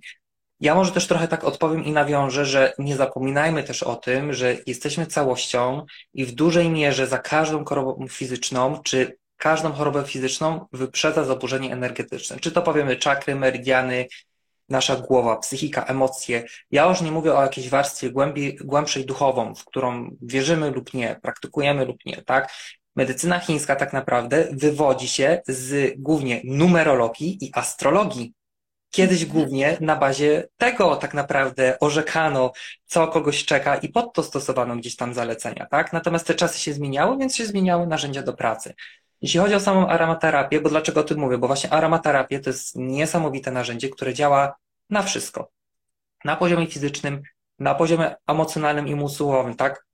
Bo to jest niesamowita rzecz i moim zdaniem znowu nie ma przypadku, że jesteśmy tak skonstruowani, że jedyny moment, kiedy nasz układ nerwowy ma bezpośredni kontakt ze światem zewnętrznym, to jest nasza opuszka węchowa i nos. I tą drogą mhm. bezpośrednio olejki eteryczne w niecałą minutę trafiają bezpośrednio do naszego mózgu, tak? Szczególnie działają na hipokamp i ciało migdałowate, co jest rzeczą niesamowitą, bo te rzeczy są szczególnie degradowane w przestrzeni naszego życia i stąd na przykład mamy epidemię, bo to jest naprawdę epidemia chorób neurodegeneracyjnych i to jest straszne, tak? Statystyki są niestety takie, że yy, albo umrzemy na nowotwór, albo na chorobę neurodegeneracyjną, tak? Ostatnio czytałem, yy, może znasz tą lekturę z mitofarmy, ja nie pamiętam, taka zielona o nowotworach, że nowotwór jest chorobą cywilizacyjną, czy coś takiego, statystyki są po prostu przerażające, w jakim kierunku idziemy. Natomiast tu aromaterapia może nam bardzo pomóc, bo możemy olejki stosować poprzez dyfuzję, czyli wrzucamy to do dyfuzora i z mhm. parą wodną to się tak jakby unosi. Możemy nakładać je na ciało, na skórę i o tym mówi dużo medycyna chińska, bo ja też się zajmuję aromaterapią w medycynie chińskiej i przy każdym zabiegu akupunktury stosuję olejki, czy ayurveda, tak? Ja bardzo Wam polecam, jest taki zabieg abhyanga, to jest taki masaż ajurwedyjski, gdzie korzystamy z oleju i olejków eterycznych. To jest niesamowita rzecz. Mnie to wyciągnęło w tym roku finalnie z bardzo przewlekłych problemów ze stawami. Mhm. Lub możemy też olejki stosować wewnętrznie, tak? Tylko tutaj oczywiście bardzo, bardzo uważamy. Natomiast aromaterapia, ja mówię tak, y, są olejki eteryczne i jest fitoterapia i działa. Mimo, że olejki eteryczne to są produkty pochodzenia roślinnego i to jest część fitoterapii, ale to jest tak ogromny świat, że jak ktoś wpada w aromaterapię, to trochę przestrzegam, bo nie ma odwrotu. Natomiast to są substancje o potężnym działaniu i o działaniu terapeutycznym. Mamy coraz więcej badań naukowych. Są dwa kierunki teraz, mikrobiota jelitowa i aromaterapia. I to są dwa kierunki, gdzie się najwięcej robi teraz badań e, naukowych, bo olejki eteryczne to są substancje, które mają silne też działanie e, przeciwdrobnoustrojowe na grzyby, szczególnie bakterie i wirusy. I mamy duży problem, bo u nas się często już pojawia antybiotykooporność, tak? Ostatnio na przestrzeni tych ostatnich 20 lat w ogóle nie został wprowadzony żaden antybiotyk do obrotu i olejki eteryczne są oczywiście przeszłością, bo to stosowaliśmy kiedyś dużo, natomiast są też naszą przyszłością, na przykład pod kątem takich terapii bardziej e, złożonych i, i skomplikowanych. Także warto Fajne, się bo przecież olejki eteryczne każdy w domu może sobie e, rozproszyć dyfuzorem, tak? I możemy to stosować jako taki element nawet profilaktyki, tak samo jak muzykoterapia, tak. śmiechoterapia, e, aromaterapia. Jest tyle rzeczy, które my tak na co dzień możemy wdrożyć do naszego stylu życia, które będą miały na celu no, zwiększenie prawdopodobieństwa utrzymania nas w zdrowiu. Dokładnie tak, dlatego no, warto doświadczyć i war, warto szukać, tak? Ja trochę się śmieję, nad, o tym rozmawialiśmy, jak się widzieliśmy na żywo, że z jednej strony ten świat może być taki smutny, przygnębiający, czy wręcz czasami straszny dla nas, tak jak mówię o tych statystykach i tak dalej, ale z drugiej strony przynajmniej jest, yy, tak, tutaj ktoś napisał, że Klaus y, Dietrich Runow, to jest dokładnie ta publikacja o tych nowotworach. To jest fantastyczna rzecz, którą ja polecam każdemu, tak samo jak ta książka Justyny Posłusznej, tak, yy, te, też fantastyczna rzecz. Tak, integralne Natomiast, podejście do choroby nowotworowej. Tak, to jest, bo często się tak szachujemy, że okej, okay, nowotwór nie dotyczy to mnie, a to są tego typu pozycje, które powinien przeczytać każdy, nieważne czy na coś choruje, czy jeśli chce zadbać o profilaktykę, bo tam mamy dużo i badań naukowych, i takich terapii nowoczesnych, i podejść bardziej tradycyjnych, natomiast to mówi o takim stanie gdzieś tam ogólnym. Natomiast tak jakby no my mm, niestety mamy coś takiego, że e, my chcemy nazwać, my chcemy mieć tą etykietę, my chcemy usłyszeć, że tak to mi pomoże, nie to mi nie pomoże.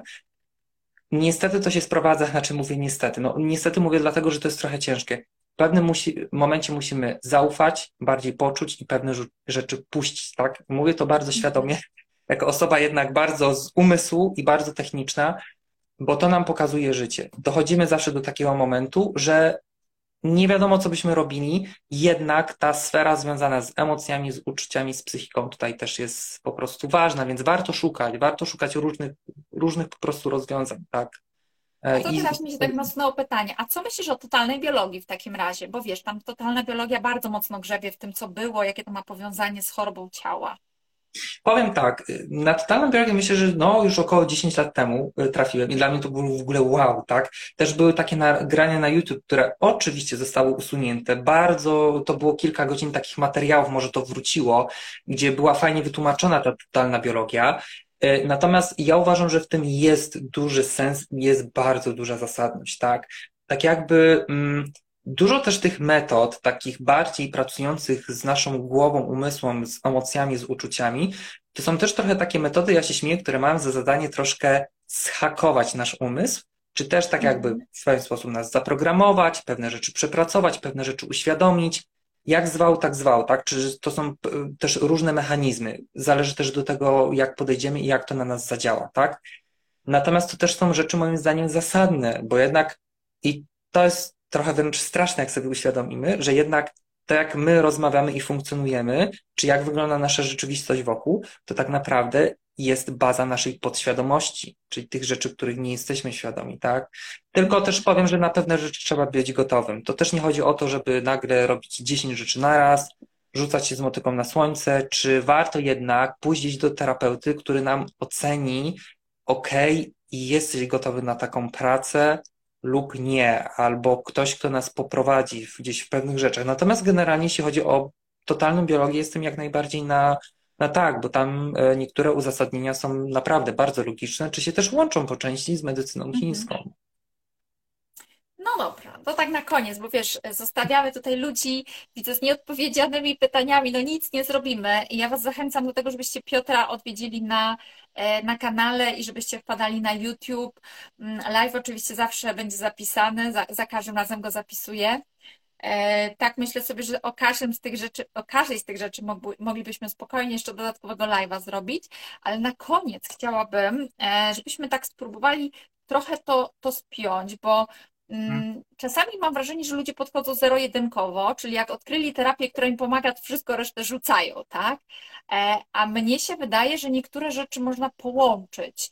E, I tak, byś, tak bym chciała tym zakończyć. Jakbyś tak powiedział na przykład, jak ty sobie czasami to w swojej praktyce łączysz, że proponujesz komuś, nie wiem, może mm, aromaterapię, jakąś terapię visceralną, akupunkturę, nie wiem, świecowanie uszu, w jaki sposób tę terapię można dobierać, albo do kogo można się udać, kto, kto coś takiego dobiera, wiesz, żeby tak interdyscyplinarnie podejść do człowieka, a nie go odstręczać, no już jak masz tą terapię ci pomaga, to idź tam, a tamto to sobie tam olej, nie, to już jest niepotrzebne, bo myślę, że to, że stosujesz terapię zapachem, nie, nie wyklucza stosowania terapii muzyką, e, czy stosowania jeszcze jakichś ćwiczeń, które cię relaksują, czy jeszcze czegoś.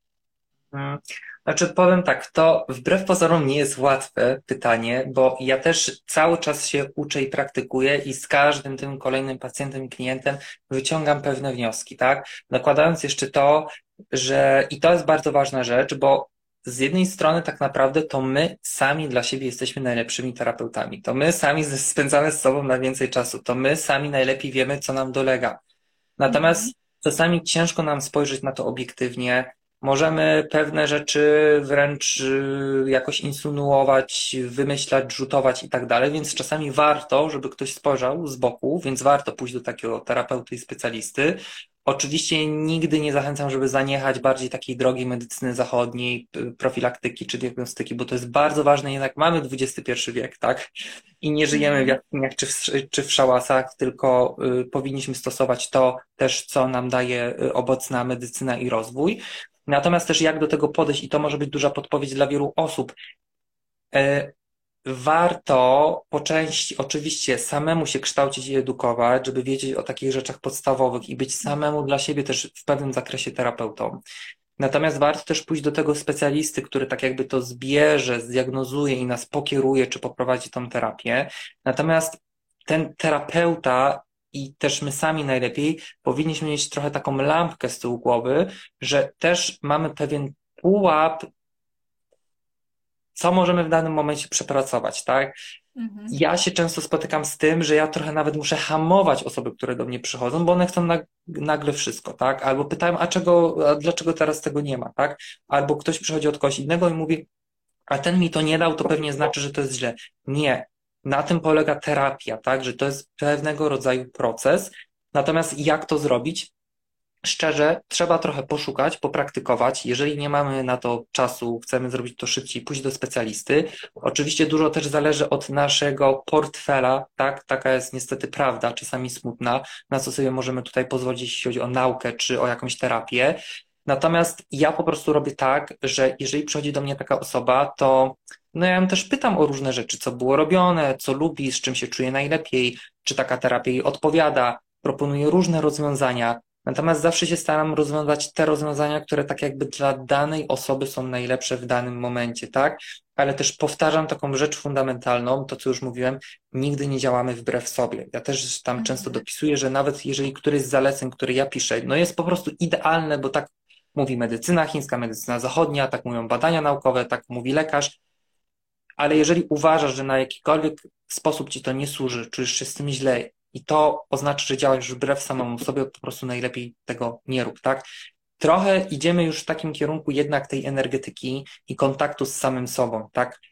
Jednak im lepiej funkcjonujemy sami z sobą, tym lepiej możemy wykorzystać takie rzeczy. Ale oczywiście też w wyniku, bo to jest cała jedna wielka maszyna, w wyniku też takiej terapii my się otwieramy, czy łapiemy bardziej ten kontakt z sobą, więc nie ma takiej jednej odpowiedzi. To jest po prostu pewnego rodzaju praktyka i trochę taki właśnie przepuszczenie też przez swój filtr, przeanalizowanie pewnych rzeczy, stąd tak dużo rzeczy u mnie i różnych zainteresowań. Czym ja się dobrze czuję, co ze mną rezonuje, co mi w duszy tak, gra w danym momencie, co mi sprawia przyjemność, bo tak jak ktoś tu pisał, komuś cigong nie przypadł do gustu, może mhm. ktoś będzie wolał jogę albo spacery, przypylanie do drzew, więc ja myślę, że dzisiaj mamy tak ogromną ilość różnych terapii, że to nie jest powiedziane, że musimy wszystko nagle, bo też się przebodźcujemy, bo w tym wszystkim jeszcze potrzeba też chwili wyciszenia. Dokładnie tak. Tak, i to jest właśnie bardzo ważne, co, y, co powiedziałaś, bo też jak wykonujemy jakiś zabieg, czy wprowadzamy jakieś zmiany nawet w żywieniu, w suplementacji, my potrzebujemy czasu, tak? My potrzebujemy to zaakceptować, przepracować, musi to przyjąć nasze ciało. Pewne rzeczy muszą się zadziać, też, też nawet na takim poziomie fizycznym, tak? Na tym polega terapia, to jest pewien proces, ale też takie jest niestety nasze życie. No, nigdy nie będzie idealnie, nigdy nie spełnimy wszystkich oczekiwań swoich czy innych. Natomiast ja bym też to podsumował, więcej kontaktu z samym sobą, po prostu bo to w dużej mierze wtedy zaczynamy widzieć tak naprawdę o co chodzi, bo pod wieloma tymi zaburzeniami, chorobami, później jakimiś terapiami i zaleceniami po prostu jest szukanie, tak? Szukanie odpowiedzi na różne pytania, a zazwyczaj te pytania są po prostu w nas samych. No może to zabrzmieć górnolotnie, czy ktoś sobie mo, może tam pomyśleć, a takie jest gadanie, natomiast naprawdę bardzo często już dochodzimy do takich rzeczy ważnych, delikatnych, y, czasami wręcz intymnych, i się okazuje, że pewne jednak rzeczy, często też z przeszłości, jednak rzutują później na to, w jakim my jesteśmy stanie, czy coś odtwarzamy i tak dalej. No to, to jest ciekawe, to jest wszystko połączone. Także ja jestem zwolennikiem wielu rzeczy i trzeba szukać po prostu, trzeba szukać i, i doświadczać, tak? Dlatego się cieszę, że na przykład jest taki kanał jak twój e, i no też dużo tutaj robisz po, pod tym kierunkiem, tak? Bo ja też pamiętam te ileś lat temu, jak trafiłem na przykład na ciebie i też ktoś może pomyśleć, tak? A ty się zajmujesz bardziej terapiami naturalnymi, medycyną chińską, czy jesz te zboża, to po co chodzisz do na przykład takiej Iwony na kursy i na szkolenia, czy po, po co ją czytasz, tak? To nie jest tak. To po prostu im więcej po prostu wiemy i doświadczamy, tym moim zdaniem mamy lepszy obraz na temat samych siebie i tego, co nas otacza, tak? I, mhm. Po prostu trzeba być otwartym tutaj. Bardzo Ci dziękuję za dzisiejsze spotkanie. Moglibyśmy jeszcze mówić i mówić i rozmawiać, rozmawiać z praktyki. Wiem, że i tak półtora godzinne e, live są później ciężkie dla wielu osób e, do odtworzenia, e, że łatwiej nam czasami znaleźć tą godzinkę na posłuchanie, ale no, ty wiesz i ja wiem, że moglibyśmy siedzieć godzinami i rozmawiać. Zresztą e, rozmawialiśmy, bo spotkaliśmy się na, mm, e, na festiwalu wibracji, przegadaliśmy sporo czasu i tak możemy gadać i gadać, a już takie tematy dotyczące zdrowia, no to po prostu w nieskończoność to może iść. E, także ja mam nadzieję, że spotkamy się jeszcze na kolejnym live. Jeżeli będziecie mieli ochotę, jakiś temat Was interesuje, to ja oczywiście Piotra do siebie zaproszę i odpytam go kolejny raz z czegoś, ciekawego, może niekoniecznie z diety, ale właśnie z jakichś innych terapii, bo i były tutaj pytania o aromaterapię e, i były pytania też, e, widziałam na temat akupunktury. No, mnóstwo jest tych tematów, o których ja bym Cię chciała jeszcze przepytać, bo mm, o ile nie damy ludziom gotowych rozwiązań, to pokażemy im, że mogą poszukać terapeuty, w, w, konkretnej dziedzinie, bo ja myślę, że wiele osób, które nas ogląda, w ogóle nie ma pojęcia, że są terapie muzyką, że są terapie zapachami, że są jakieś olejki eteryczne, że można pójść na terapię visceralną. Wiesz, jak na przykład mało osób zdaje sobie sprawę, że można pójść e, na mm, terapię w okolicy żuchwy i stawu skroniowo-żuchwowego i jak wiele problemów to rozwiązuje. E, terapia manualna, czy wiesz, osteopatia. Kurczę, jest tyle możliwości i, i ludzie nagle mówią, ja miałem 20 lat bóle głowy i, i szumy w uszach i nagle wszystko minęło, e, tylko po tym, że ktoś mi ten zgryz we właściwy sposób ustawił. No, są to rzeczy niesamowite i wydaje mi się, że im więcej o tym mówimy, tym ludzie są bardziej świadomi, aha, może jeszcze tego czegoś nie spróbowałem, tak? Może to jest ten brakujący puzzle w tej całej mojej e, układance. Dokładnie Piotr, tak. powiedz na koniec, gdzie można Ciebie znaleźć, jak można się do Ciebie umówić, gdzie można Ciebie posłuchać i tak dalej. Wszystko powiedz. Tak. Znaczy ja jeszcze powiem, że ja też chętnie zaproszę Ciebie do siebie, żeby Ciebie też podpytać o, pe o pewne rzeczy, bo to też trochę jest tak, że to są takie mikroświaty, tak? Tak jak Ty powiedziałeś, że o pewnych rzeczach nie wiemy, czy na przykład dla nas pewne rzeczy no już są standardem, tak? Czy o tym wiemy, czy z tym pracujemy, czy się otaczamy takimi ludźmi, a później jednak się okazuje, że jednak jest troszkę inna rzeczywistość, czy dużo osób o czymś nie wie. Także ja też chętnie Ciebie zaproszę do siebie, żeby też podpytać o pewne rzeczy, czy trochę, że tak powiem, włożyć przysłowiowy kij w mrowisko, bo ja to bardzo lubię, tak? Żeby też pokazać, że nie ma tej jednej drogi po prostu. Natomiast jeśli chodzi już stricte o mnie, bo tu też widzę, że się pojawiają pytania, to Taiji-Tu terapie holistyczne to jest tam, gdzie mnie możecie y, złapać. Ja tu też może coś napiszę w komentarzu, to to wyskoczy. Ja później oznaczę, ja później oznaczę, bo komentarza tak. nie będzie widać, jak będzie zapisany live, ale oznaczę, tak. jak tylko zapiszę live'a, to w opisie będzie. Także pod taką nazwą Taiji-Tu terapie holistyczne znajdziecie mnie na Facebooku, Instagramie, na YouTube, jest też moja strona internetowa i tam macie masę, no nie tak dużo jak u Ciebie Iwona, tak, bo u Ciebie to w ogóle zbiór chyba na pół życia słuchania i czytania. I, nawet ostatnia rzecz, tak? Też yy, pisałem jakiś artykuł u siebie na taką prywatną grupę o witaminie C, yy, też szukałem jakichś informacji i wyszedł mi super opis u Ciebie na przykład, tak? Na, na stronie. Także u Ciebie jest mnóstwo też tych informacji. Natomiast u mnie też znajdziecie yy, troszkę na YouTube y, różnych y, nagrań, też live'ów, gdzie mówię dużo o tej medycynie chińskiej, czy o takim podejściu integra integralnym też na blogu. Możecie do mnie pisać na Instagramie, tylko oczywiście, no to nie są konsultacje i tak dalej, to nie są porady w nieskończoność. Ja zazwyczaj zostawiam okienko na pytania i wtedy najlepiej na stories mi zadać to pytanie i ja wtedy odpowiadam wszystkim, żeby wszyscy mogli z tego skorzystać. Natomiast jest podany mailing u mnie na stronie. Powiem tak, niby jest możliwość się do mnie umówić, ale powiem kolokwialnie, nie wyrabiam po prostu, tak? Mhm. I, i jest, jest z Krakowa. Jest, tak, jestem w Krakowie. Jestem w Krakowie, także no, teoretycznie jeszcze jakieś tam miejsca są w, w gabinecie i tak dalej. Natomiast ja też mogę odpisać, gdzie możecie pójść, do kogo, bo też większość osób, tak 80% pracuje online. Natomiast no, mogę też Was gdzieś tam pokierować, tak? To, to też gdzieś tam możecie y, do mnie napisać. Natomiast też mailing. Jeżeli ja coś mam na mailu, to mi nigdy to nie ucieknie tutaj.